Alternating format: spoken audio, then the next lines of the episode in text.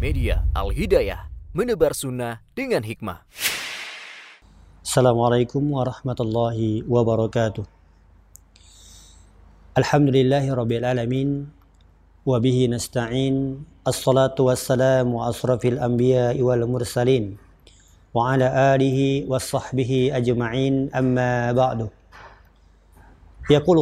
Tabaraka wa ta'ala Ya ayyuhalladzina amanu taqullaha haqqa tuqatih wa ولا تموتن إلا وأنتم مسلمون وقال رسولنا محمد صلى الله عليه وسلم فإن أحسن الكلام كلام الله وخير الهدي هدي محمد صلى الله عليه وسلم وشر الأمور محدثاتها وكل محدثات بدعة وكل بدعة ضلالة وكل ضلالة في النار صدرك dan صدرك kaum muslimin wal muslimah rahimani wa rahimakumullah.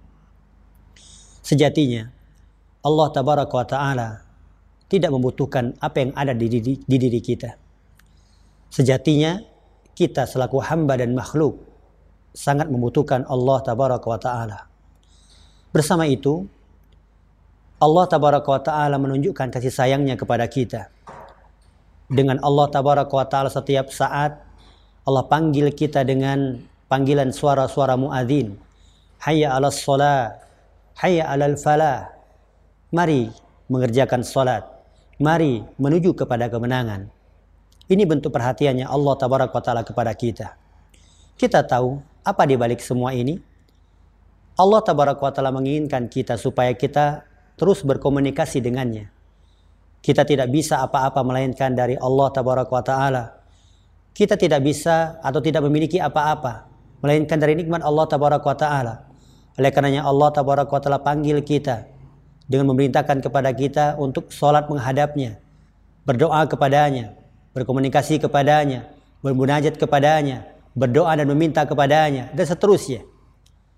Rasul kita yang mulia Shallallahu Alaihi Wasallam, beliau sangat mencintai yang namanya sholat. Beliau lakukan itu di akhir-akhir kehidupan beliau. Beliau lakukan itu, beliau amalkan. Kaum muslimin rahimani wa rahimakumullah. Topik pada kesempatan ini adalah sholat. Bukankah Nabi kita Muhammad Shallallahu Alaihi Wasallam mengkabarkan kepada kita amalan yang pertama kali dihisab oleh Allah Tabaraka wa Taala adalah salat? Bukankah kita ketika ingin mencari teman, teman hidup, teman duduk, teman, lihatlah salatnya.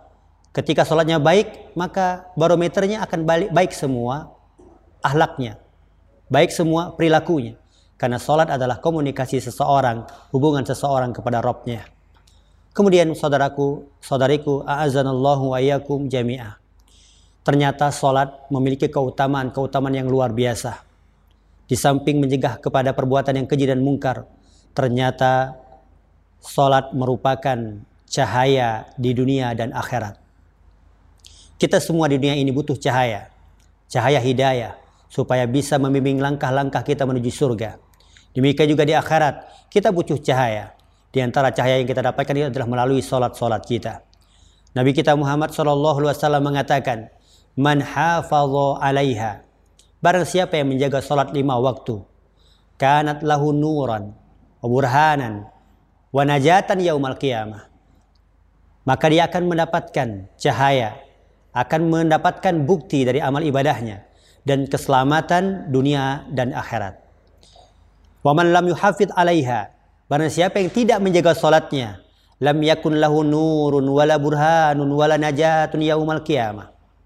Dia tidak akan mendapatkan cahaya dan juga tidak akan mendapatkan bukti dan juga dia tidak akan selamat. Wa kana yaumul qiyamah ma'a Qarun ma'a Fir'aun wa Haman wa bani ibnu Khalaf. Dan pada hari kiamat nanti dia akan bersama Fir'aun. Dia akan bersama Qarun, Haman, dan Ubay ibn Khalaf.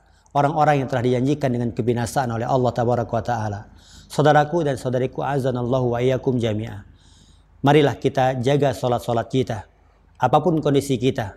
Perhatikan orang-orang yang telah mendahului kita. Orang-orang soleh. Mereka senang akan solat. Mereka menghidupkan malam-malam mereka dengan sholat. Mereka jaga sholat-sholat mereka. Dalam keadaan mereka sakit. Dalam, mereka, dalam keadaan mereka berpergian atau safar. Teruslah. Karena kita tidak mungkin melepas sholat. Karena sholat sejatinya adalah komunikasi, kita. Hubungan kita kepada Allah Tabaraka wa Ta'ala. Semoga Allah Tabaraka wa Ta'ala memimpin kita melalui sholat-sholat kita. Semoga Allah Tabaraka wa Ta'ala terus memberikan hidayah kita untuk mencintai dan mengamalkan ibadah yang agung ini. Dan semoga tabaraka Allah Tabaraka wa Ta'ala memberikan yang terbaik untuk kita semua. Khairu da'wana walhamdulillahi rabbil alamin. Assalamualaikum warahmatullahi wabarakatuh.